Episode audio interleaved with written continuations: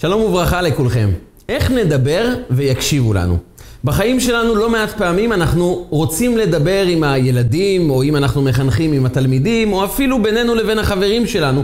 אנחנו רוצים להעביר איזה סוג של ביקורת, איזה הצעה לשיפור, לייעול, שהעניינים יתנהלו בצורה טובה יותר. אנחנו באמת באים בכיוון טוב, אבל כשאנחנו מעבירים איזה סוג של ביקורת, אפילו קטנה, מיד אנחנו נתקלים בזעם, מי אתה שתדבר אליי ככה? אנחנו לא מוכנים להקשיב. הרבה פעמים אנחנו מוצאים את עצמנו מנסים לומר משהו וזה לא מתקבל בלבבות. מה הדרך לדבר וישמעו לנו? איך אנחנו יכולים להעביר רעיון שאנשים ירצו לקחת אותם, לקחת את אותו רעיון לתשומת ליבם, לחיות איתו. איך מעבירים מסר שמתקבל בלבבות? איך אנחנו יכולים לדבר ויקשיבו לנו? בפרשת השבוע שלנו חוזרת שוב על כל בניין המשכן, כלי המשכן, בגדי הכהן הגדול, אבל הפעם לא מדובר רק בציוויים, אלא מדובר על הפרקטיקה, על העשייה. עכשיו אנחנו מתחילים פשוט לעשות. וכאן מגיע בצלאל בן אורי בן חור למטה יהודה. האדם שהולך להיות האחראי על כל יצור המשכן, הכלים שלו, והוא הולך לבנות בין השאר את הכלי החשוב ביותר, המקום שבו תשרה השכינה, ואנחנו מדברים על ארון הקודש. וכך נאמר בפרשת השבוע, ויעש בצלאל את הארון עצי שיטים, המאתיים וחצי אורכו, והמה וחצי רוחבו, והמה וחצי קומתו. באים חכמינו ומלמדים אותנו כל מידות ארון הקודש, המקום שבו נמצאים לוחות הברית, המקום ששם תשרה השכינה.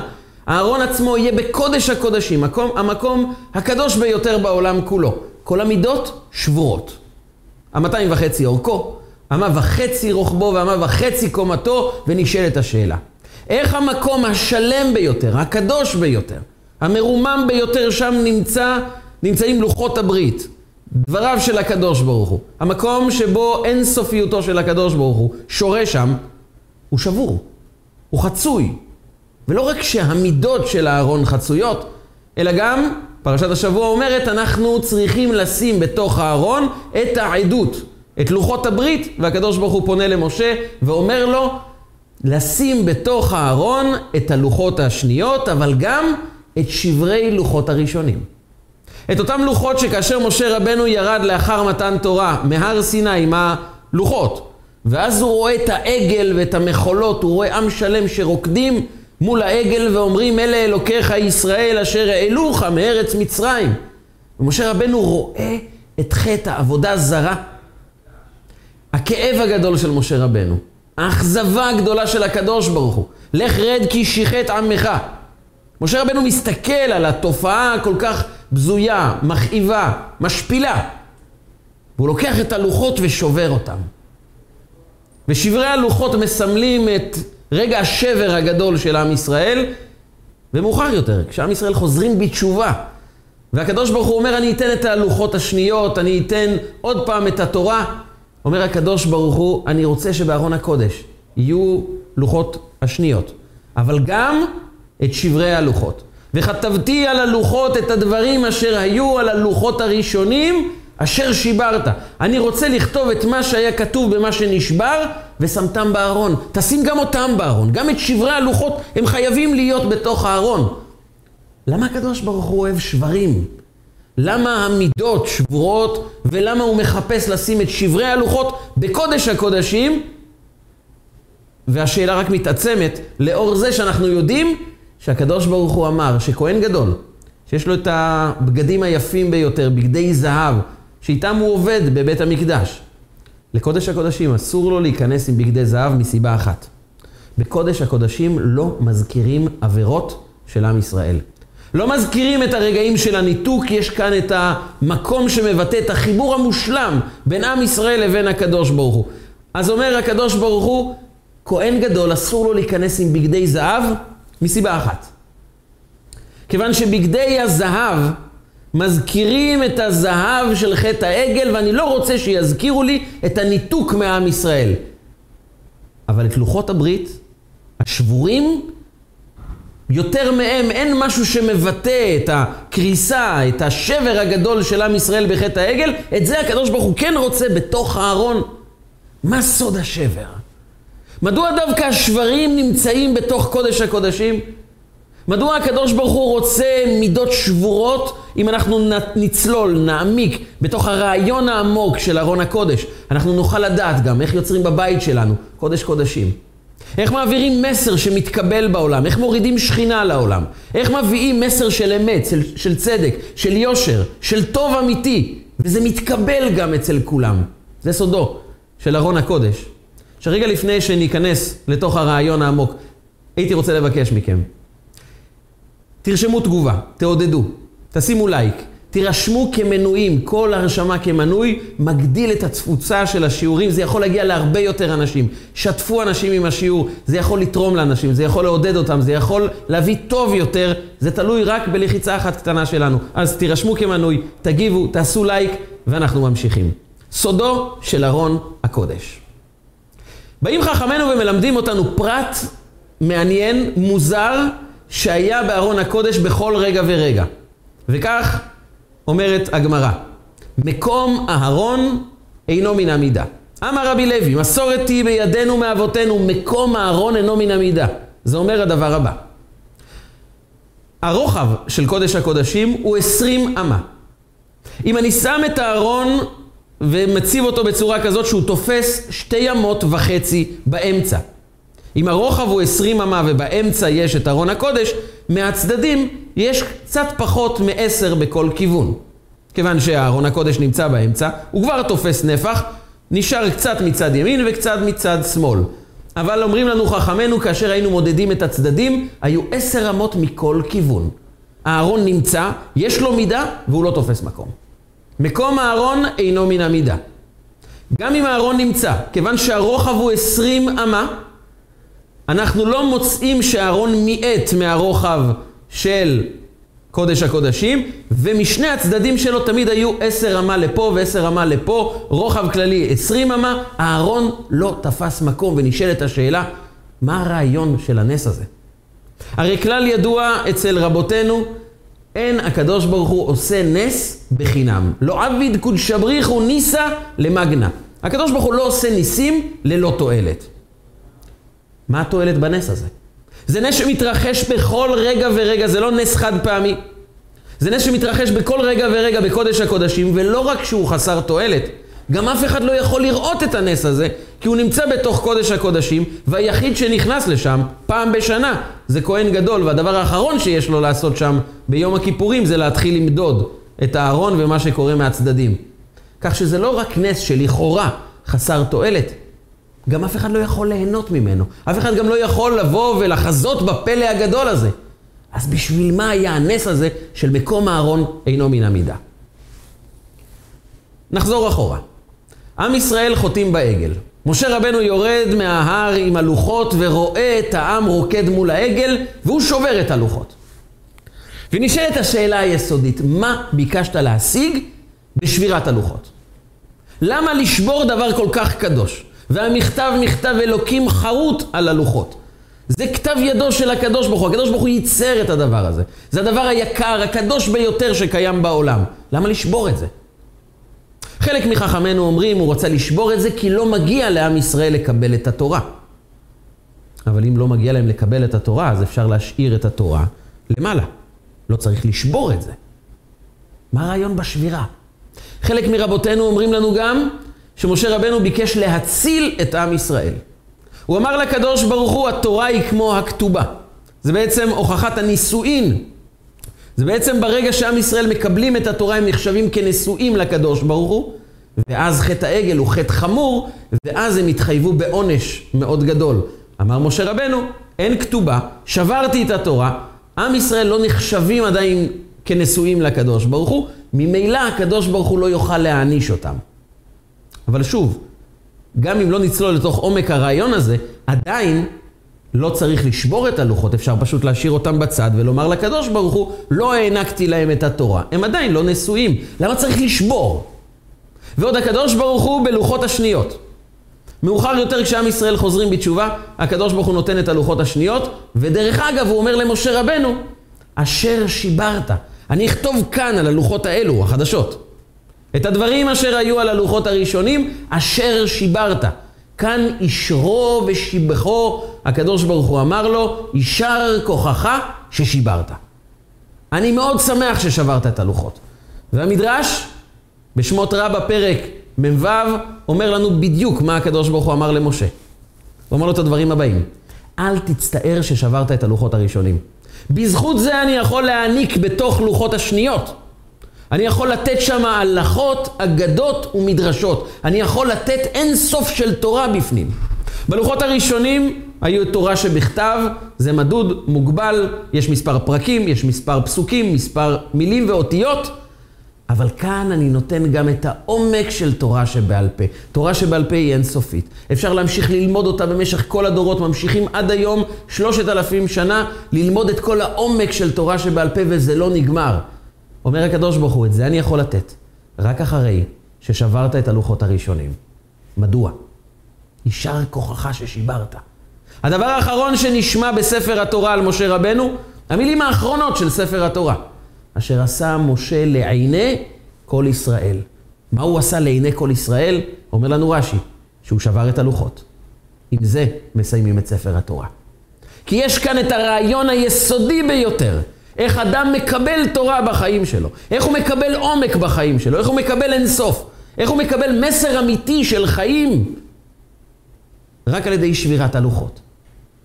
ואולי אפשר להמחיש את הרעיון עם סיפור שהתרחש עם רבי יונתן אייבישיץ, אחד מגדולי ישראל, בתקופה של למעלה מ-250 שנה אחורה. הוא הסתובב בהמון עיירות והוא נקלע לעיירה אחת ערב יום הכיפורים. הוא לא הצליח לחזור הביתה בזמן, והוא נאלץ לעשות את יום הכיפורים בעיר שאף אחד לא מכיר אותו והוא לא מכיר אף אחד, והוא מתיישב בבית הכנסת, כל נדרי. הוא תפס לעצמו פינה, התיישב שם ושאל את עצמו, למה הקדוש ברוך הוא גלגל אותי למקום הזה, לבית הכנסת הזה, ואני לא יכול להיות בבית, בבית המדרש שלי, במקום שאני מכיר את כולם וכולם מכירים אותי? אבל מיד הוא הבין. הוא אמר, אני מרגיש שההשגחה העליונה כיוונה אותי לשבת ליד, ליד יהודי. שהיהודי הזה מרגע כניסת יום הכיפורים השתפך בבכי בתפילה. במיוחד כשהוא היה מגיע לקטע, אלוקיי, עד שלא נוצרתי איני כדאי, ועכשיו שנוצרתי כאילו לא נוצרתי. עפר אני בחיי, קל וחומר במיתתי. הרי אני לפניך ככלי מלא בושה וכלימה. והוא היה בוכה, בוכה, משתפך בתוך המילים. עפר אני בחיי, קל וחומר במיתתי. ככלי מלא בושה וכלימה. רבי יונתן אייבישיץ הרגיש כל כך מרומם, כל כך בהתעוררות ביום הכיפורים הזה, הוא אמר, אני מבין שהקדוש ברוך הוא, השגחה העליונה כיוונה אותי לשמוע תפילה כזו כדי להתעורר. סוף תפילת ערבית, הוא יוצא מבית הכנסת ומישהו זיהה אותו. וביקשו ממנו מיד לבוא לשבת במקום מכובד יותר, ושמחר הוא יבוא אה, לשבת ליד הרב, אבל הוא אמר, לא, לא, אני מבקש לשבת שם. יש, יש לי עניין לשבת דווקא שם, יש לי התעוררות מיוחדת. הוא המשיך לשבת גם למחרת בתפילת שחרית. הוא יושב ליד אותו יהודי ששוב בוכה מעומק הלב, עפר אני בחיי, קל וחומר במיתתי. הרי אני ככלי מלא בושה וכלימה. אומר לעצמו, איך יהודי יכול להתעורר כל כך ולחוש שהוא שום דבר מול קודש הבריחו, עפר הוא בחייו. אם הוא מתעורר כל כך, אני חייב להתעורר. וכך הוא מתעורר בתפילות יום הכיפורים, בזמן שאותו אדם בוכה וממרר בבכי, עפר אני בחיי, והגיעה קריאת התורה. העלו מספר אנשים לקריאת התורה, הסתיימה קריאת התורה, ואז אותו יהודי, שלא הפסיק לבכות כל התפילה, קם בזעם גדול, הולך לגבאי ואומר לו את המילים הבאות: טיפש שוטה שכמוך, איך לא העלית אותי לתורה והעלית את האדם השפל הזה? אותי לא העלית לתורה? מי מינה אותך להיות גבאי בבית הכנסת הזה? איך עשית את השטות הזו? עם הארץ שכמוך. ובזעם חזר למקום שלו. זה היה לא פחות משבר עבור רבי יונתן אייבישיץ. איך זה הגיוני? האדם הזה לא הפסיק לבכות עפר אני בחיי, קל וחומר במיתתי, ועכשיו הוא זועם על זה שלא העלו אותו לתורה. ועוד מבזה את הגבאי ומבזה את מי שעלה לתורה. הוא פשוט לא התאפק, הוא ניגש לאותו יהודי ואמר לו, רבי יהודי, אני חייב, חייב להבין מה עובר עליך. אני שמעתי אותך והתעוררתי מאתמול בערב. איך שאתה אומר את המילים, עפר אני בחיי, קל וחומר במיתתי. הרי אני ככלי מלא בושה וכלימה. ועכשיו בגלל שלא העלו אותך לתורה אתה מבזה את כולם, אתה צועק וזועם, איך זה מסתדר? אומר לו אותו יהודי, מה זה סותר? איפה השאלה? אני לא מבין. כשאני אמרתי עפר אני בחיי, אמרתי את זה לקדוש ברוך הוא. מולו אני עפר, אני ככלי מלא בושה וכלימה. אבל מול הגבאי, הוא עפר ואפר. הוא הטיפש, הוא השותך, הוא לא מעלה אותי לתורה. הוא באמת העפר ואפר, אחרים עפר ואפר, לא אני. אז הבין רבי יונתן אייבשיץ, שיש משפט שאנחנו אומרים בסיום תפילת שמונה עשרה בכל יום. ונפשי כעפר לכל תהיה, פתח ליבי בתורתך. אומרת החסידות. לא מספיק שאתה חש עפר מול בורא עולם, זה במובן מסוים די הגיוני ומאוד טבעי. אבל מה ביחס לאחרים? וכאשר אנחנו אומרים נפשי כעפר לכל תהיה, רק אז פתח ליבי בתורתך. הקוד לקבל תורה, לקבל אמת, לקבל אינסוף, לקבל מסרים של אמת בחיים שלנו, זה מגיע עם התחושה של ונפשי כעפר לכל תהיה. נפשי כעפר לכל תהיה זה לא אומר שאדם שפל, לא שווה שום דבר, בזוי שאפשר לדרוך עליו. לגמרי לא. אבל זה מבטא רעיון עמוק, שאם נבין אותו, נוכל להבין את סוד השברים וסוד השראת השכינה בחיים שלנו. מה היסוד? מה נקודת המוצא שלנו? מה אנחנו באמת מחפשים בחיים האלו? כל אדם שמגיע כאן לעולם מחפש את ההצלחה האישית, את הקריירה האישית, להגיע למימוש עצמי. אלו מילים שאנחנו שומעים סביבנו, ואנחנו בעצמנו מעוניינים לממש את הכוחות שלנו, מעוניינים להצליח, מעוניינים לפתח קריירה מוצלחת. אבל יש נקודה שאנחנו חייבים לחשוב עליה. נקודת המוצא היא האמת או אני. משה רבנו ניצב עם הלוחות ורואה עם שלם שלא מזמן ראו אין סוף. ראו התגלות שכינה על הר סיני, וירד השם על הר סיני. הם שמעו את קולו של הקדוש ברוך הוא עם קולות וברקים. הם זעקו נעשה ונשמע. ועכשיו חוטאים בעגל. הוא לא כעס עליהם. הוא לא רצה לבזות אותם, הוא מוכן להילחם עבור זה שהם יתקיימו. הוא אומר לקדוש ברוך הוא, ואם אין מחני נא מספרך, אם אתה מכלה את העם הזה, תמחה גם אותי. אני אוהב אותם. אבל אני מנסה להבין מה גורם לעם לראות את הקדוש ברוך הוא. ואחרי מספר שבועות, לעשות עבודה זרה, לחטוא בעגל, לרקוד סביבו ולומר, אלה אלוקיך ישראל אשר העלוך מארץ מצרים. איך זה מתרחש? מה המרכיב הנפשי שגרם להם לעבור מקדושה לטומאה? מאמונה בקדוש ברוך הוא לעבודה זרה. ואז הוא הבין, מהי נקודת המוצא? הוא הבין שעם ישראל עמדו מול הר סיני והם הבינו פתאום, הם הכירו בהכרה פנימית. אתה בחרתנו מכל העמים, אהבת אותנו, רצית בנו ורוממתנו מכל הלשונות. אנחנו מרוממים, אנחנו נבחרנו, אנחנו אהובים, אנחנו מוצלחים, אין כמונו. ואז מגיע החיסרון. אם נקודת המוצא זה כמה אני גדול, כמה אוהבים אותי, כמה נבחרתי, כמה אני מושלם, גם כשזה בתחום הקדושה, מה יקרה ברגע שפתאום מעמד הר סיני ייפסק, הקדוש ברוך הוא ייעלם, לא נראה את משה רבנו, ואז מה נשאר? נשאר לאדם לחפש מה ייתן לו כעת.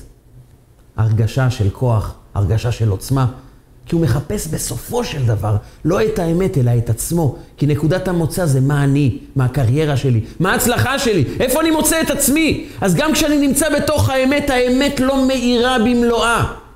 האמת לא הפכה להיות הבסיס ונקודת המוצא של האישיות שלי. ואז כשאדם לא מוצא קדושה, הוא מוצא עגל מזהב, ורוקד סביבו ואומר אלה אלוקיך ישראל, אשר העלוך מארץ מצרים. כי האדם גם בקדושה וגם בטומאה חיפש רק את עצמו, ולעולם הוא לא יצליח להיפגש עם האמת. אומר משה רבנו, זה עם שנקודת המוצא שלו הייתה הרוממות שלו. ולכן אני צריך לעשות את הדבר הבא. ואשברם לעיניכם. הוא לוקח את הלוחות ושובר אותם ואומר להם, אתם חייבים להיות עם שמחפש אמת, ששובר את האינטרס האישי, שמנפץ את הקריירה הפרטית, האגו הפרטי שלי, של מה אני מצליח, במנותק מהאמת, וקובע לעצמו יש אמת, והאמת הזאת תחדור בתוך העולם. אני צינור לעולם הזה. אני צינור בשביל להביא לעולם את, את הקדושה, את האמת, את הטהרה, את האין סוף. אני שובר את האגו, וכשאני שובר את האגו, אין הבדל ביני לבין אחר. אני לא עסוק באיך אני מול השני, והאם הוא עקף אותי או שאני עקפתי אותו. אני לא רק ככלי מלא בושה וכלימה מול בורא עולם. אני ככלי מלא ובושה וכלימה מול כולם, כי בכולם אני רואה את המעלה, כי אני מחפש איך כל אחד שותף ביצירת המקדש, המשכן, בהשראת השכינה. אני לא מחפש להיות יותר מאחרים, ואני לא בודק אם הם יותר ממני, אני פשוט עסוק רק בלהוריד אמת כאן לעולם. ולכן, לא אכפת לי אם השני מצליח יותר ממני, כי ההצלחה זה לא שלי ולא שלו, זה הצלחה של בורא עולם. זה נקרא שמירת הלוחות. הרגע שבו אני מבין ונפשי כעפר לכל תהיה, כי האדם שמחפש אמת לא מחפש את המעמד האישי שלו, הוא לא מחפש את הקריירה האישית שלו, הוא מחפש את ההצלחה האלוקית. הוא מחפש שהמטרה של עם ישראל תתממש, שהשליחות תתבצע. אדם כזה לא מוחק את עצמו, אלא מנצל את הכישורים שלו, את היכולות שלו, את הטוב שבו, בתוך עולם האמת, בתוך המקום הקדוש, בתוך המשכן. הכישורים שלו הופכים להיות חלק מאמת, ולא כמשרתי האגו ותומכי המציאות האישית, הפרטית שלו, במנותק מהאמת, אלא הם משרתים את האמת. עד כדי כך שביצירת המשכן כולם היו שותפים. הנשים, הגברים, ושני האנשים שהיו ממונים על כל בניית המשכן, הם מצד אחד בצלאל בן אורי בן חור למטה יהודה, האדם החכם מהשבט הנבחר, שבט המלוכה, ואיתו האוהליאב בן אחיסמך למטה דן. האוהליאב בן אחיסמך למטה דן זה היה השבט הפשוט ביותר. והוא היה אחד מהאנשים הפשוטים ביותר. והקדוש ברוך הוא אמר, תיקחו משבט המלוכה וגם מהשבט הפשוט, שני אנשים שיהיו שווים לגמרי. גם בצלאל בן אורי בן חור למטה יהודה וגם האוליאב בן אחי סמך למטה דן כדי לבטא ולא ניכר שועה בפני דל. העשיר והדל שניהם שווים לגמרי כשמדובר בבניין המקדש. כי אין תחרות, אין אדם יותר שווה, אין אדם שפל ואדם מרומם, ונפשי כעפר לכל תהיה. כשאתה נותן לאמת לשרות בתוכך, זה בניין המקדש. ואז אתה מנצל את הכישורים שלך בצורה הכי טובה, הכי נכונה, עד כדי כך שגם אנשים שהייתה להם, היו להם כישרונות ויכולות מופלאות. אחד מהכישורים המיוחדים, התורה באה ואומרת שאנשים טבעו את הצמר כשהם היו עדיין על העיזים. זו הייתה יצירת פלא של חיבור צמר, תפירת הצמר, כשהצמר עדיין נמצא על הבהמות. למה זה נדרש?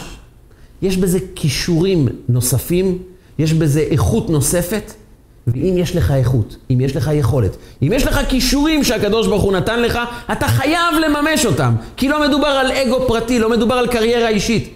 אם מדובר רק על קריירה אישית, אני יכול להחליט שזה, אני לא זקוק בשביל הקריירה. אז יש לי עוד איזה כישרון שאני לא אנצל אותו, לא נורא. סך הכל הקריירה מצליחה. אבל אם אתה לא עסוק בקריירה אישית, אלא אתה עסוק בבניין המקדש, כל כישרון שלך חייב לבוא לידי ביטוי, כי זה בעצם אמצעי אלוקי לבטא קדושה, להוריד שכינה כאן בעולם. זה רכוש אלוקי, הכישורים שלך. פתאום האישיות מתרוממת, כי הבסיס, הבסיס הוא, ונפשי כעפר לכל תהיה. אני באתי להוריד אמת כאן לעולם. ולכן, לא אכפת לי מה... הקריירה האישית שלי, לא אכפת לי מה אנשים יגידו גם. אני לא בתחרות עם אף אחד, לא באתי לעקוף אנשים אחרים, לא באתי להראות שאני גדול יותר, באתי להוריד שכינה. אם יש לכם את שברי הלוחות, אז אומר הקדוש ברוך הוא, אתם יכולים לקבל את הלוחות השניות, ושם, שם תפגשו את האינסוף, הלכות, אגדות ומדרשות. כי אינסוף לא יורד אצל אנשים מוגבלים. כמה שהם יהיו גדולים, הם יהיו מוגבלים כאשר נקודת המוצא היא האגו, הרצונות האישיים שלי, הקריירה האישית שלי, המציאות הפרטית שלי, היא תמיד תהיה מוגבלת, ולעולם היא לא תוכל לפגוש את האינסוף. אינסוף פוגש רק אדם אחד, ואל זה הביט, אל עני ונכה רוח, וחרד על דברי. אצל אותו אדם שפשוט מחפש, ריבונו של עולם, אני רוצה להיות צינור עבורך כאן בעולם. האדם הזה פוגש אינסוף. רבי אבאו, אחד מגדולי גדולי האמוראים. היה לו מתורגמן. מתורגמן באותה תקופה זה כשרב גדול היה נותן דרשה מול אלפי תלמידים. הוא היה זקוק שמישהו יאמר את דברי התורה בקול רם, כי אז לא, היה, לא היו רמקולים, אבל היו אנשים עם קול מאוד גבוה, וכך רבי אבאו היה מוסר את השיעור לאותו מתורגמן, ואותו מתורגמן היה אומר את הדברים בקול גדול כדי שכולם ישמעו. כל המורה היה לו מתורגמן, אדם עם קול מאוד גדול, שהיה מוסר את השיעור. יום אחד אשתו של המתורגמן פגשה את אשתו של רבי אבאו. והיא אמרה לאשתו של רבי אבאו, מה את חושבת? שהבעלך, הרב הזה, הוא זה שנותן את השיעור? זה בעלי שנותן את השיעור. כשהוא מקשיב לו, הוא בסך הכל עושה לו כבוד, אבל בעלך לא יודע כלום. בעלי הוא זה שאומר את דברי התורה בקול רם. בעלי הוא החכם, לא בעלך. אשתו של רבי אבאו נפגעה. חיכתה לערב, וכשבעלה חזר, היא מיד אמרה לו, מה זה, תראה, האישה הזו של המתורגמן, תראה מה היא אמרה, היא אמרה שאתה לא יודע כלום, ורק בעלה הוא זה שאומר את דברי תורה. צריכים לעשות משהו, צריכים לסדר את הדברים מחדש. רבי אבאו הסתכל עליה ואמר לה משפט אחד, שהפך להיות אבן יסוד בחשיבה היהודית. הוא אמר לה, אשתי, אבל מה אכפת לך? מיני ומיני התקלס הילה. לא באתי להיות הרב הגדול, לא באתי לקבל כבוד. לא באתי לנסות להראות שאני יודע והשני לא יודע. יחשבו שזה הוא החכם? שיחשבו. אם זה ממני או ממנו, יש לי מטרה אחת, שיתגדל ויתקדש מעיר הבא, שיתגדל ויתקדש שמו של ריבונו של עולם כאן בעולם. אם זה ממני או ממנו, מה זה משנה? מיני ומיני יתקלס הילה. זה רגע של שברי הלוחות. זה הרגע שבו עם ישראל אומרים, באנו לשרת כעת מטרה עליונה. יצאנו מנקודת הנחה שהיא נכונה, אנחנו מרוממים, נבחרנו, אנחנו אהובים, אבל לא זה נקודת המוצא. נקודת המוצא זה שבאנו לשרת אמת. אנחנו מוכנים לתת הכל בשביל האמת הזו. ורק אחר כך אנחנו מנצלים את הכישורים כדי שהם יהיו חלק מאותה אמת. לכן אומר הקדוש ברוך הוא, אהרון חייב להיות עם מידות שבורות. כדי לבטא את העובדה. דווקא במקום הקדוש ביותר, דווקא במקום שבו שורה השכינה, דווקא במקום שאין סוף מתגלה בו.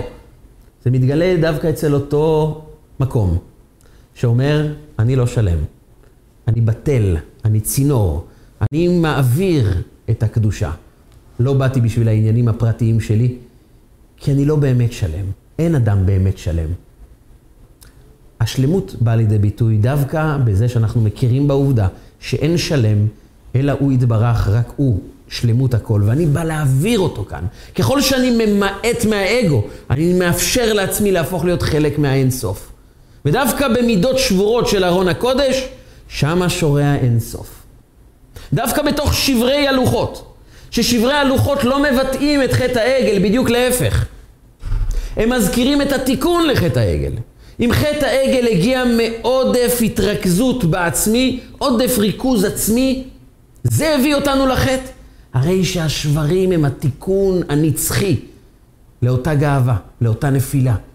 כשאנחנו זוכרים שאנחנו שבר, וללא הקדוש ברוך הוא, אנחנו פשוט כלום. אז ונפשי כעפר לכל תהיה, מתקיים בנו ההמשך, פתח ליבי בתורתך. לכן, בתוך ארון הקודש צריכים שיהיו שברי הלוחות והלוחות. כי כשאדם מציב כבסיס את השבר, את העובדה שאני לא באתי לעצמי, באתי להוריד אמת לעולם. ככל שאתה מרגיש יותר שבר, אתה מקבל יותר שלמות אלוקית, אמיתית, ולא חיצונית, שטחית, שאין בה אמת.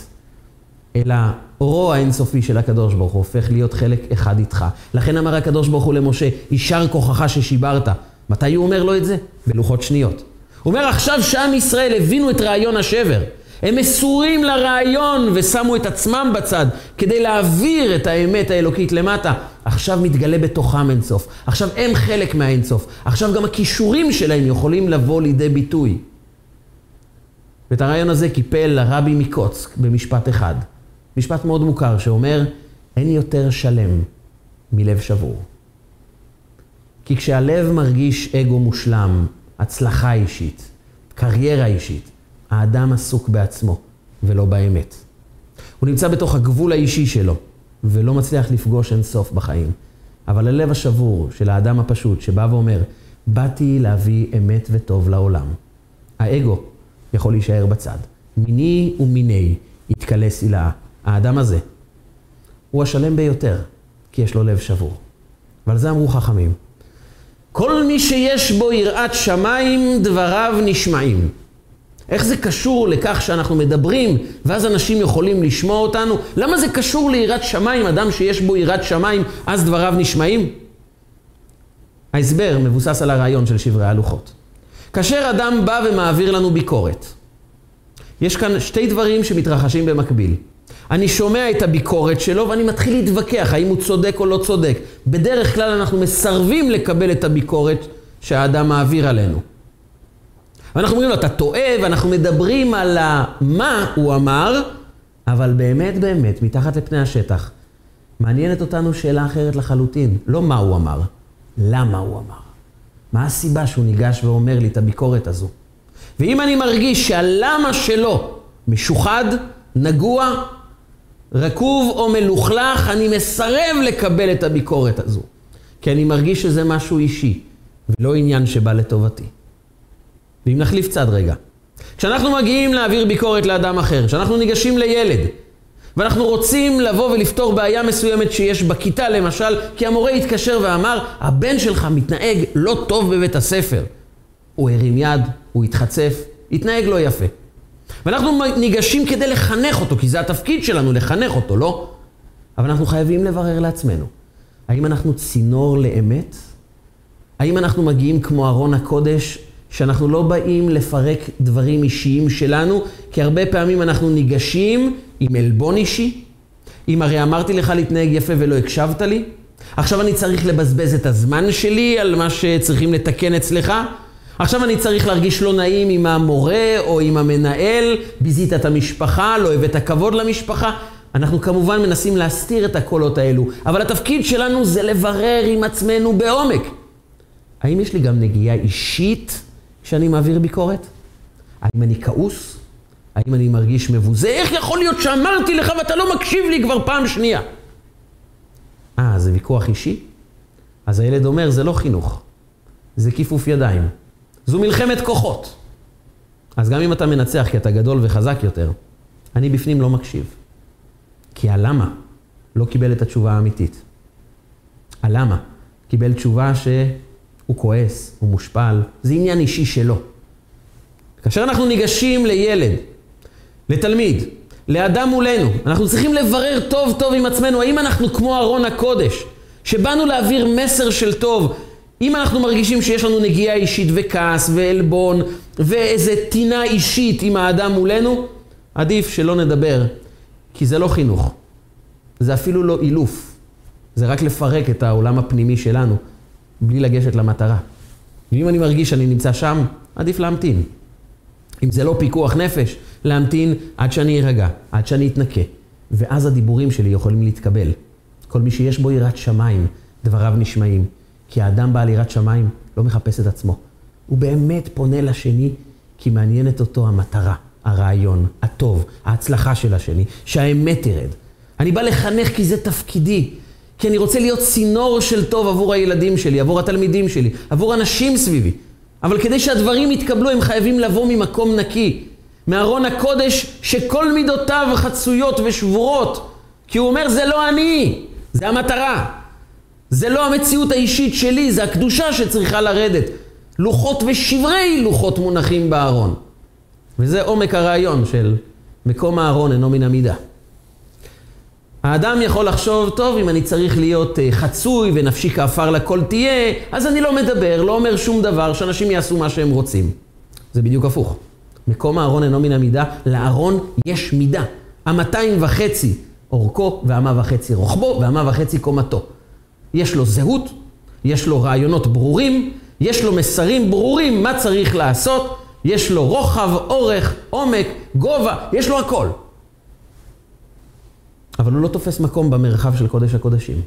מדוע? כי הוא חלק מקודש הקודשים. הוא לא בא לבטא את המציאות האישית שלו, אלא ההוראות של התורה, המסרים של התורה, הכללים המאוד ברורים שהתורה נותנת לנו. זה לא מאגו, זה כי זה חלק מקודש הקודשים. וכאשר אנחנו ניגשים לאדם ומנסים לשפר אותו, להעביר ביקורת, אנחנו חייבים קודם כל לבחון את עצמנו. האם אנחנו ארון הקודש? האם אנחנו תופסים מקום אישי בתוך קודש הקודשים? כי הבית שלנו זה קודש הקודשים. אסור לנו לתפוס מקום אישי שם, כי זה חילול הקודש. ולבוא לאדם מתוך עלבון אישי, מתוך זעם אישי, מתוך נגיעה אישית, ולהעביר לו ביקורת זה לחלל את קודשי הקודשים. כי איך אני יכול לפנות לנפש של אדם כאשר אני מחפש את עצמי? ארון הקודש הוא המקום שבו עוברת השכינה. הכל מתדבר אליו, הקולו של הקדוש ברוך הוא יוצא דרך ארון הקודש מבין שני הקרובים. זה מקום של גילוי שכינה. ואם אנחנו נסתכל על הבית שלנו כמקום של גילוי שכינה, נוכל גם להפוך את הסביבה שלנו לקודשי הקודשים, למשכן אמיתי. אז הדברים שלנו גם יתקבלו, כי האדם שומע דברים שיוצאים מלב טהור, דברים היוצאים מן הלב, נכנסים אל הלב. כי אם אני מחפש להיות טהור אמיתי, אני מחפש להיות צינור לקדוש ברוך הוא. האדם לא שומע את הביקורת, הוא שומע כאן אמת. הוא שומע כאן דבר שיכול באמת להועיל לו, כי יש לו תשובה על הלמה. הוא באמת רוצה להביא טוב לעולם. בכוח אנחנו לא משיגים תוצאות. בלהשפיל את השני, בלצאת ממקום של אני אראה לו ואני החזק ואני השולט ואני המנהיג ויקשיבו לי כאן במקום הזה, אנחנו אולי נקבל תוצאות חיצוניות ושוליות שאין בהן אפקט אמיתי, אין בהן תוצאה אמיתית. סיפר פעם בנו של רפתן, שפעם הוא בא לעזור לאבא שלו, בלמשוך את הפרות למתקן החליבה. הוא רואה שאבא שלו מאוד מתאמץ למשוך פרה לאט לאט, בעדינות, עד שהיא תבוא למתקן החליבה כדי לחלוב אותה. והוא לא הבין למה מבזבזים כל כך הרבה זמן. הוא תפס מקל, שתיים, שלוש, ומיד שלוש פרות נכנסו למתקן החליבה. אחרי כמה מכות, הוא הצליח להביא כמה וכמה פרות למתקן החליבה.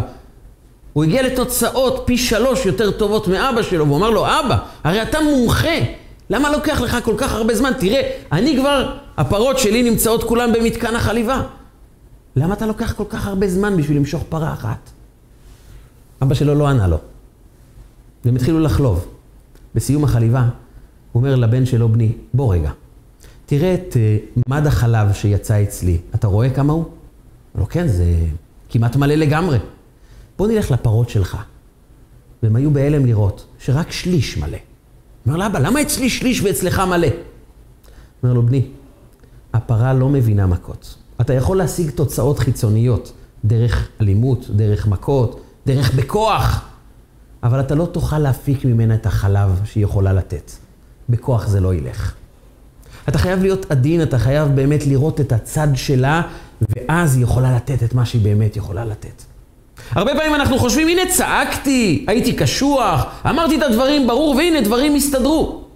דברים הסתדרו רק בחיצוניות, לא בפנימיות. אז אנחנו לא מוציאים את הטוב האמיתי שקיים באנשים. אנחנו חייבים להיות ארון הקודש. רק ארון הקודש יכול להוריד שכינה לעולם. וכשמשה רבנו שבר את הלוחות, אומר הקדוש ברוך הוא, אם תזכרו דבר אחד ממשה רבנו, תזכרו את הדבר הבא. שמשה רבנו עשה אותות ומופתים. לא קם נביא בישראל אשר ידעו השם פנים בפנים. הוא היה גדול, העצום, דיבר פנים בפנים עם הקדוש ברוך הוא, אדון הנביאים, עשה פלאות, ניסים ונפלאות בכל העולם. אבל תזכרו דבר אחד, הוא ידע לשבור את הלוחות. הוא ידע להיות צינור לאמת בעולם. וזה המסר האחרון אשר עשה משה לעיני כל ישראל. כשמסיימים את ספר התורה, אנחנו צריכים לשאול את עצמנו, האם אנחנו יכולים להיות קצת יותר כמו משה רבנו?